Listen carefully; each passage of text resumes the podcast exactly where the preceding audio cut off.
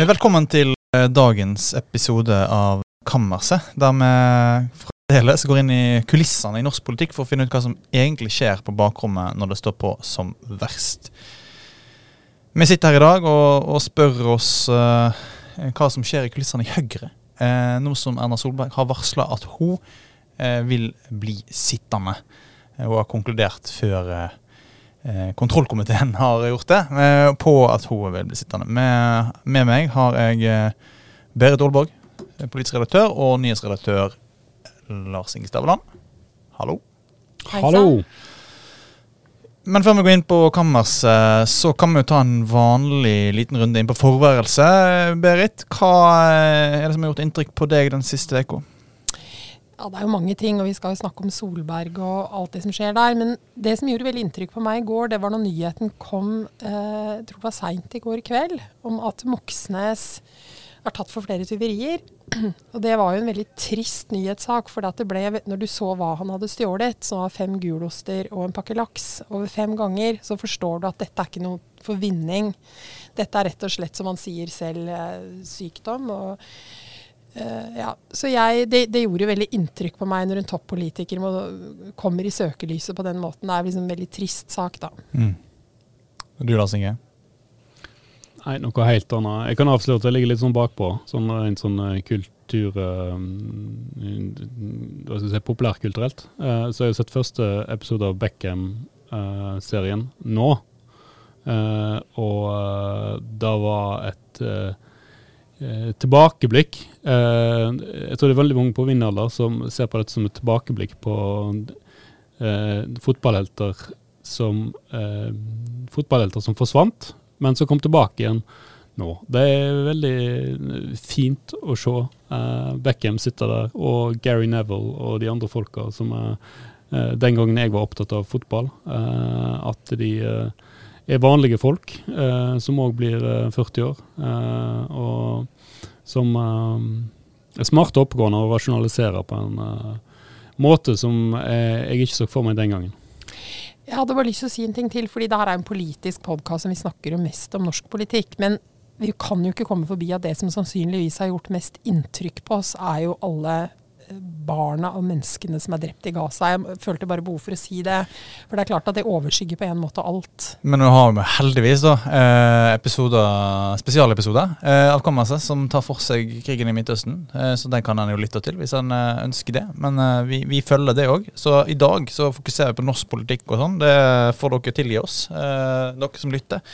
Sjøl har jeg lest uh, ei bok som jeg har gjort veldig inntrykk på meg uh, i det siste. Jeg er ikke ferdig med den. Jeg, den er ganske, det er en murstein. Men det er Jerusalem-boka til uh, Simon Siberg Montefiore. Um, uh, og det kan hende at han dukker opp i en podkastepisode om Midtøsten senere. Vi får se. Vi går inn på kammerset. Um, for øvrig ganske imponerende at vi nå gikk gjennom en forværelserunde uten at noen av oss nevnte makta, som går sin seiersgang eh, både i sosiale medier og på NRK. Eh, vi får snakke mer om den i en senere episode. I dag er det Erna Solberg vi eh, tar for oss. Jeg var jo til stede på den pressekonferansen i går der hun først holdt en tale til sentralstyret som var veldig sånn ja, det var en vanlig politisk tale om verden og Norge og Israel. Og kom med ganske hard kritikk mot Israel, eh, Erna Solberg, der. Og så var det pressetreff etterpå, der hun begynte å snakke på en måte som Iallfall var stemningen i rommet at oi, er det dette øyeblikket er det nå skal gå av? Eh, og så kom hun til konklusjonen at hun har bestemt seg for å bli sittende. og eh, konkludert med dette. Eh, Berit, hvordan reagerte du når du så dette? Nei, altså jeg hadde, vi var jo litt på alerten alle sammen når hun kaller inn til pressekonferanse og begynte å tenke har hun tenkt til å si noe om framtida si. Og så begynte hun jo, som du sier, å holde en veldig vanlig tale, som var en, altså en politisk tale. Så jeg begynte å tenke her kommer det ikke til å skje noe. Og så plutselig forsto vi at det tok en dreining. Og jeg var veldig overraska over at den dreininga kom i går, det må jeg si. Og grunnen til at jeg er så overraska over det, er at Solberg selv har sagt at man skal ikke ta avgjørelser mens alt stormer. Og vi må jo si at selv om ting har roa seg litt med medieoppslag, så er hun jo i en stor uh, høring i kontroll- og konstitusjonskomiteen på Stortinget. Og jeg var veldig overraska over at hun ikke venta til den var ferdig. Så, så jeg syns ikke hun har holdt den linja som jeg hadde da forventa at hun skulle holde, etter det hun selv har sagt. da. Nå har vi laga ganske god journalistikk eh, på det som skjer i Høyre, lederdiskusjoner. Eh, og Det er vanskelig å vite. altså Det er jo et parti som går, eh, som slår kringvern rundt eh, lederen sin på en helt annen måte enn andre politiske partier i Norge. Det er veldig tett. De gjør jo det, og samtidig Emil, så er det jo sånn at de begynner jo å prate litt. Ja, ja de har begynt å prate litt. Og det har, det vi, eh, som- det har vi fått fram. Ja. Men, eh, men uh, hva som har skjedd her Mitt inntrykk er i hvert fall at mange i Høyre før, altså i løpet av sentralstyremøtet i helga og på denne lokalpolitikerkonferansen, at det ble lagt fram et ønske om en avklaring. For det å leve i en sånn her Limbo. eh, limbo. Og Erna Solberg fikk jo forrige uke spørsmål i, i Stortinget etter at hun hadde forklart seg for kontrollkomiteen om hvem, om hun bare skulle sitte der og holde igjen og tette for andre kandidater.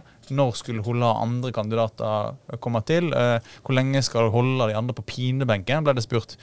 Og klart, En, en statsministerkandidat som blir spurt når skal du gå av, det begrenser hvor lenge et parti tåler å høre det fra media og journalister. og Derfor var det kanskje en, en sånn, et behov i Høyre da, til å eh, få en avklaring. Og Det kortslutta jo denne retorikken som hun sjøl har kjørt, eh, ganske Ja, kraftig. det. Men eh, Lars Inge, vi har jo skrevet en del om eh, hva som eh, beveger seg i Høyre, om eh, hvem som kan bli leder etter Erna Solberg. Ja, altså Nå eh, jeg tror det er en sånn forventning altså, som, som Vi journalister og, kommentatorer vi har jo en slags sånn forventning om endring, tror jeg, som er kanskje enda sterkere hos oss enn hos, uh, enn hos folk. På en måte så lever vi jo av å skrive om endringer. Uh, så jeg, det, jeg er ikke så sikker på at uh, Høyres velgerskare der per nå ser på det som, som veldig oppsiktsvekkende at Erna Solberg blir. Det tror jeg nok kanskje ikke. Og så tror jeg tror du har rett i det at uh, jo lenger du venter med avklaringer, jo flere spekulasjonssaker vil det komme på hvem som skal ta over uh, den gangen. Uh, og så tror jeg at hun ønsker å ha regi på den prosessen litt sjøl. Og da eh, tror jeg jeg skal, jeg skal jo ikke si som, som enkelte andre kommentatorer er veldig glad i å si, at eh, nei, dette ble jeg ikke overraska over. For da, for da, da ble jeg. Men, men eh, jeg tror ikke at Jeg tror ikke nødvendigvis at jeg, jeg, jeg tror det, det gir mening da, for henne nå, så lenge Høyre gjør det såpass bra, og så lenge altså Jeg tror historien om Erna, hvis en zoomer litt ut, er en suksesshistorie. Eh, og da tror jeg Høyre sine velgere uh, ser på nå. Og så lenge denne suksesshistorien går, uh, så tror jeg hun kommer til å bli sittende. Så kan du si at det er et visst risikospurt, fordi hvis en på en måte bare normaliserer målingene litt, ikke sant? at Høyre går tilbake på det nivået de har ligget på snitt de siste ti årene, så vil de jo gå markant tilbake ut fra dagens situasjon. Hvordan blir et sånt, tilbake, et sånt tilbakegang tolka?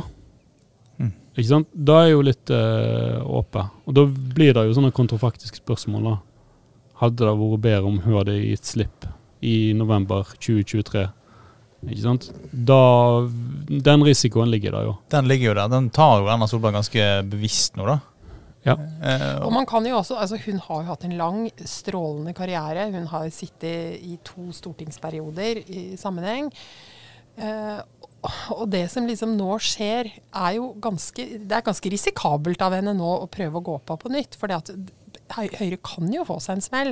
Nå har man venta på hva som vil skje, men man kan jo få seg en smell, altså. Ja, altså, eh, Det var jo definitivt mange som ble overraska i det rommet i går. Så De Mm. kommentatorene som går rundt og sier at de ikke ble overraska, de, eh, det var i hvert fall et sukk i den forsamlingen. Som, Det virker som noen ble overraska, og så noen som rasjonaliserte veldig i etterkant. Ja. På Ja. Veldig tidlig ut med å Ja, jeg, tror rasjonalisere hva som er, skjedde. jeg tror ikke det er den kommentator og journalist som satt der, som ikke kjente at Dette var litt spesielt. dette nå, liksom. Ja, ja det, var Det var den, det, var, det var det inntrykket vi Ja. fikk. Og så, og så eh, er det jo klart at et annet element der Når Erna Solberg sier at det, var ingen som, det er ingen som rekker opp hånda til å ta over så er det, sånn, det inntrykket vi får i Høyre, at det er ingen som på en måte eh, eh, stiller opp og sier Nei, men nå må du trekke deg til side.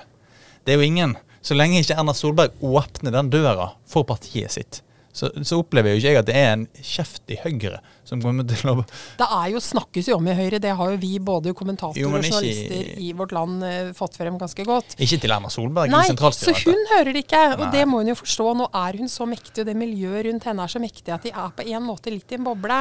Så de, det tilflyter dem ikke. Jeg lurer på om når de leser ting vi har skrevet, både nyhetssaker og kommentar, kommentarer fra oss, jeg lurer på om de tror at, vi liksom, at ikke det der eksisterer. For vi snakker jo faktisk Dette er bygd på at vi har snakka med mange. Mm. Dette, nå skal ikke jeg gjøre det Kjetil Raknes kritisere folk som har jobba med politikk eller vært politikere tidligere for å gjøre, men, men en, en rasjonaliserer alltid og putter alle analyser inn i sin egen uh, fortid. Og Jeg husker i hvert fall når jeg jobbet for Knut Arild eh, som rådgiver på Stortinget, at, uh, at veldig mange ganger ble det skrevet ting som vi ikke kjente igjen. Vi Mm. hadde ikke hørt det. Dette kan ikke stemme.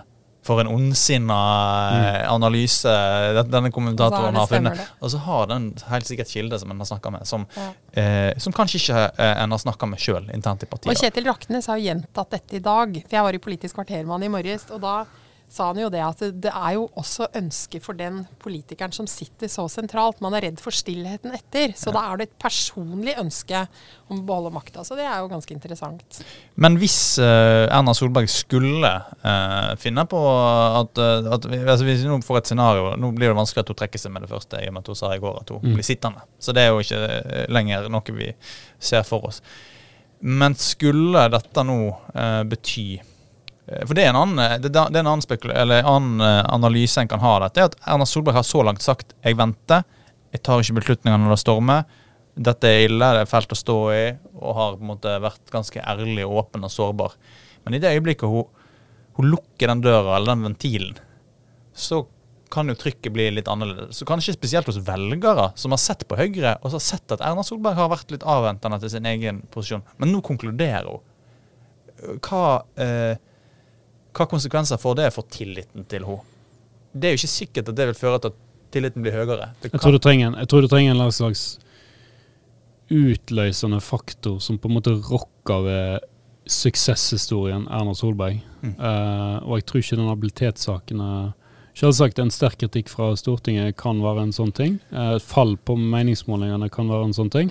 Og så er selvsagt gjentatte nye nyhetssaker om det der kan jo være en, eh, en sånn utløsende faktor, da. Så- Men det er eh, klart en ting til, fordi eh, Lars Inge, dere har jo på Nyhet laga en sak om Venstre. eh, hva de tenker. eh, som også vi kommentatorene har, har, har sett på. Og det er jo interessant at Venstre opplever dette som vanskelig å samarbeide med Erna Solberg. Og jeg sitter akkurat nå og skriver en kommentar om det sjøl, fordi at jeg har tenkt mye på det at hvis Venstre må ta runde på runde om de vil samarbeide med henne, så kan flere ting skje. Den ene tingen som kan skje, er at det blir holdt Altså denne inhabilitetssituasjonen blir holdt oppe i den politiske offentlighet veldig lenge. Den andre tingen som kan skje, er at velgere For at Venstre og Høyre er to partier som ligger ganske tett på hverandre. Og hvis Venstre er veldig åpent kritisk, det vet vi jo ennå ikke om de kommer til å være, for det som, som Vårt Land har laga, er jo en, en kildesak eller en bakgrunnssak. Men da kan man komme i den situasjonen at hvis Venstre veldig tydelig sier at vi kan ikke støtte henne som statsminister, så kan noen av de som er kritiske i Høyre velge å gå over. Det kan i prinsippet også skje.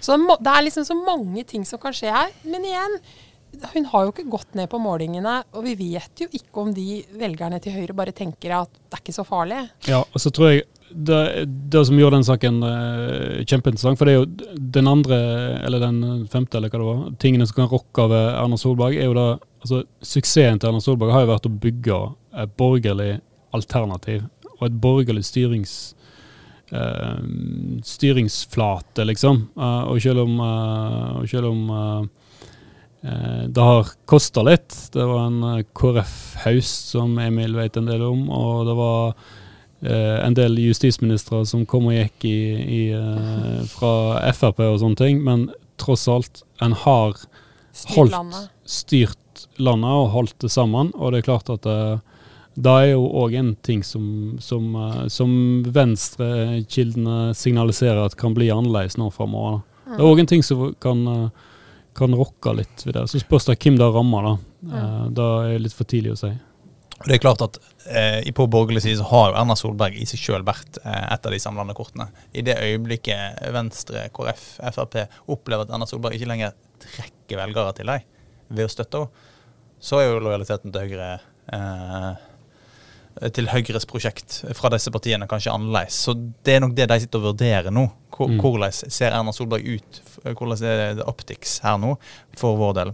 Og så er det en annen ting som jeg syns er jeg hørte Erna Solberg si i går, og som eh, jeg tror liksom ikke helt har kommet godt nok fram. Det er at Hun ble spurt om Sindre Finnes fortsatt handler aksjer. Og det svarer hun ja på. Eller det tror hun. Eh, det syns jeg er litt sånn forbausende. Eh, han har helt lov til det. Det er ikke noen hindringer at han handler aksjer som, eh, som statsministerens eh, nei, Det er likevel fascinerende at det skjer. Ja, det er litt fascinerende, fordi det, viser vel noe av det som her eh, man, man, etterlyser konsekvenser, man etterlyser hva, ble, hva vil endre seg.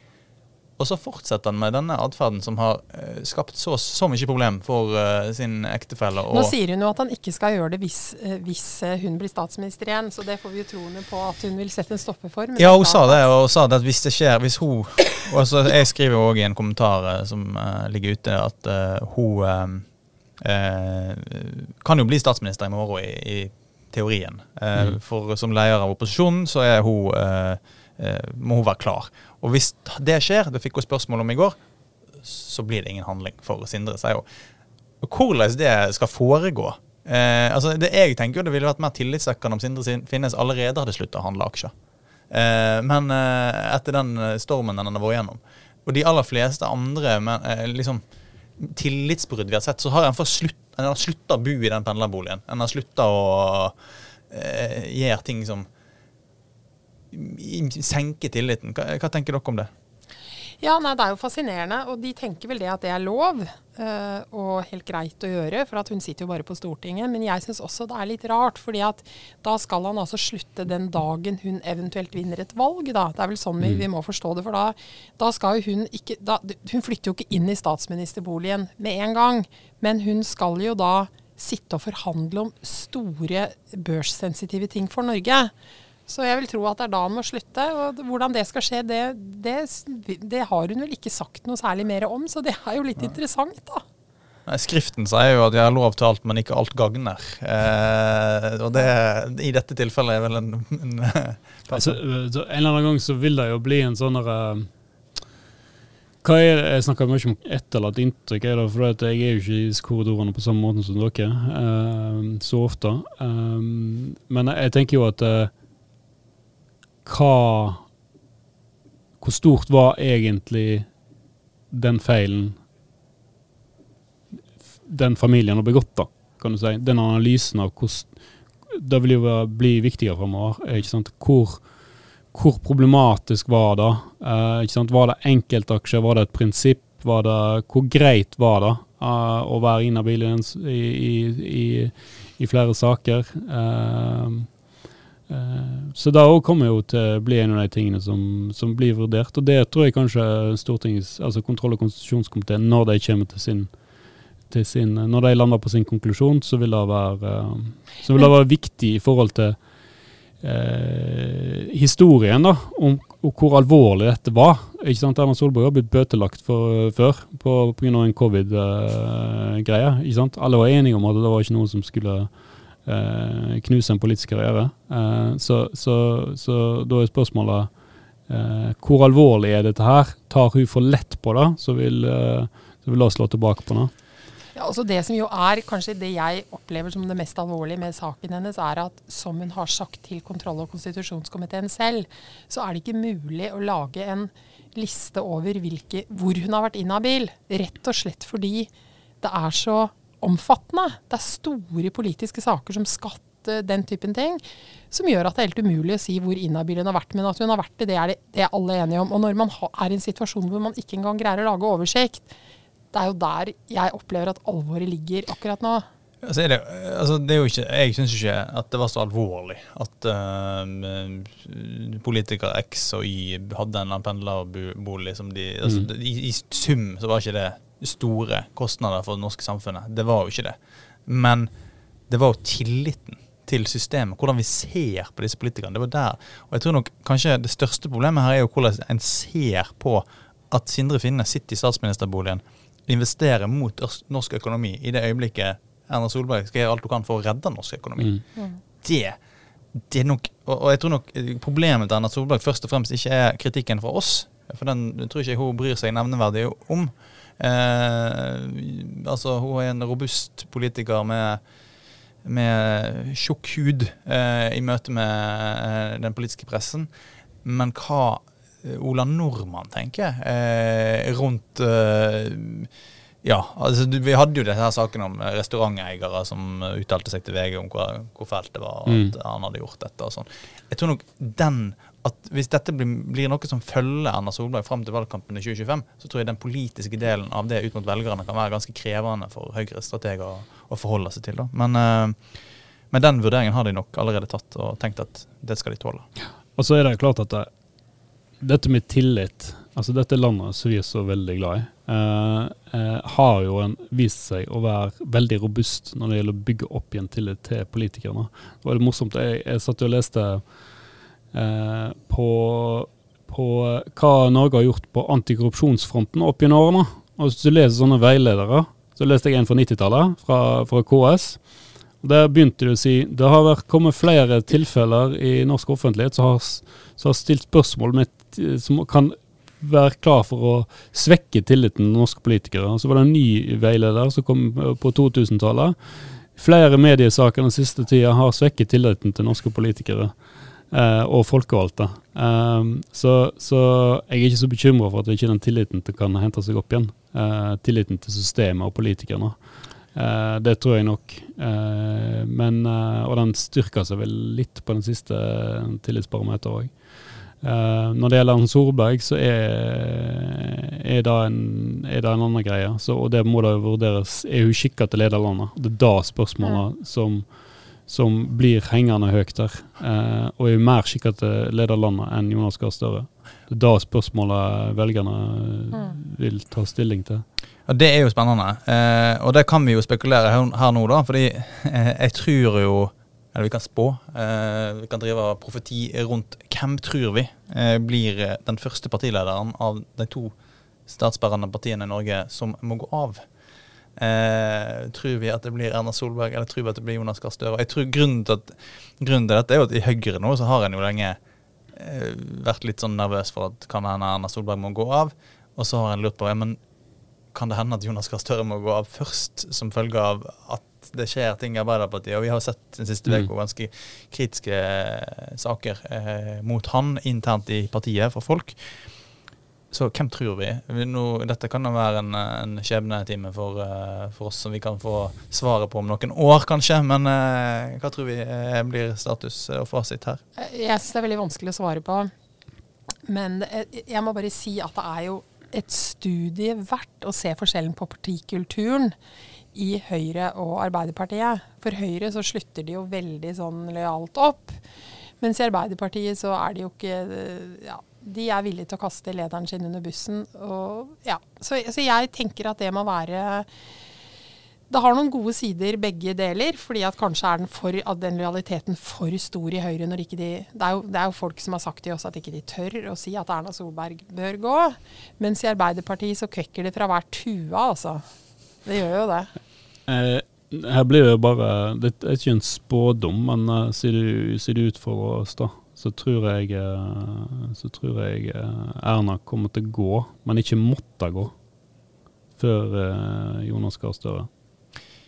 Du skal ha skryt og ros for å svare på oppgaven. Eh, så poeng til deg for det. Og du, Aalborg, du, du, får minus i margen. eh, Jeg er ikke så glad i sånne spå, spådommer og hvem som Nei, jeg, eh, jeg eh, tror eh, det er rett, det du sier, Lars Inge. Men eh, hvem veit? Eh, Nå skal Arbeiderpartiet eh, evalueres og, gå gjennom havariet. Det blir det noe ro, tror du ikke? det blir nok ro. Det, det, det er det Jonas Gahr Støre sier, så vi får Ja, det, stole på ja, ham. det Og nå har jo Giske meldt seg på nok en gang, så da blir det i hvert fall ikke ro. Det blir iallfall flere episoder med Kammerset, det kan vi love dere. Eh, og vi takker for at dere lytter. Send oss gjerne ris, ros, tips eller innspill på kammerset alfakrøll eh, vl.no. Takk for i dag.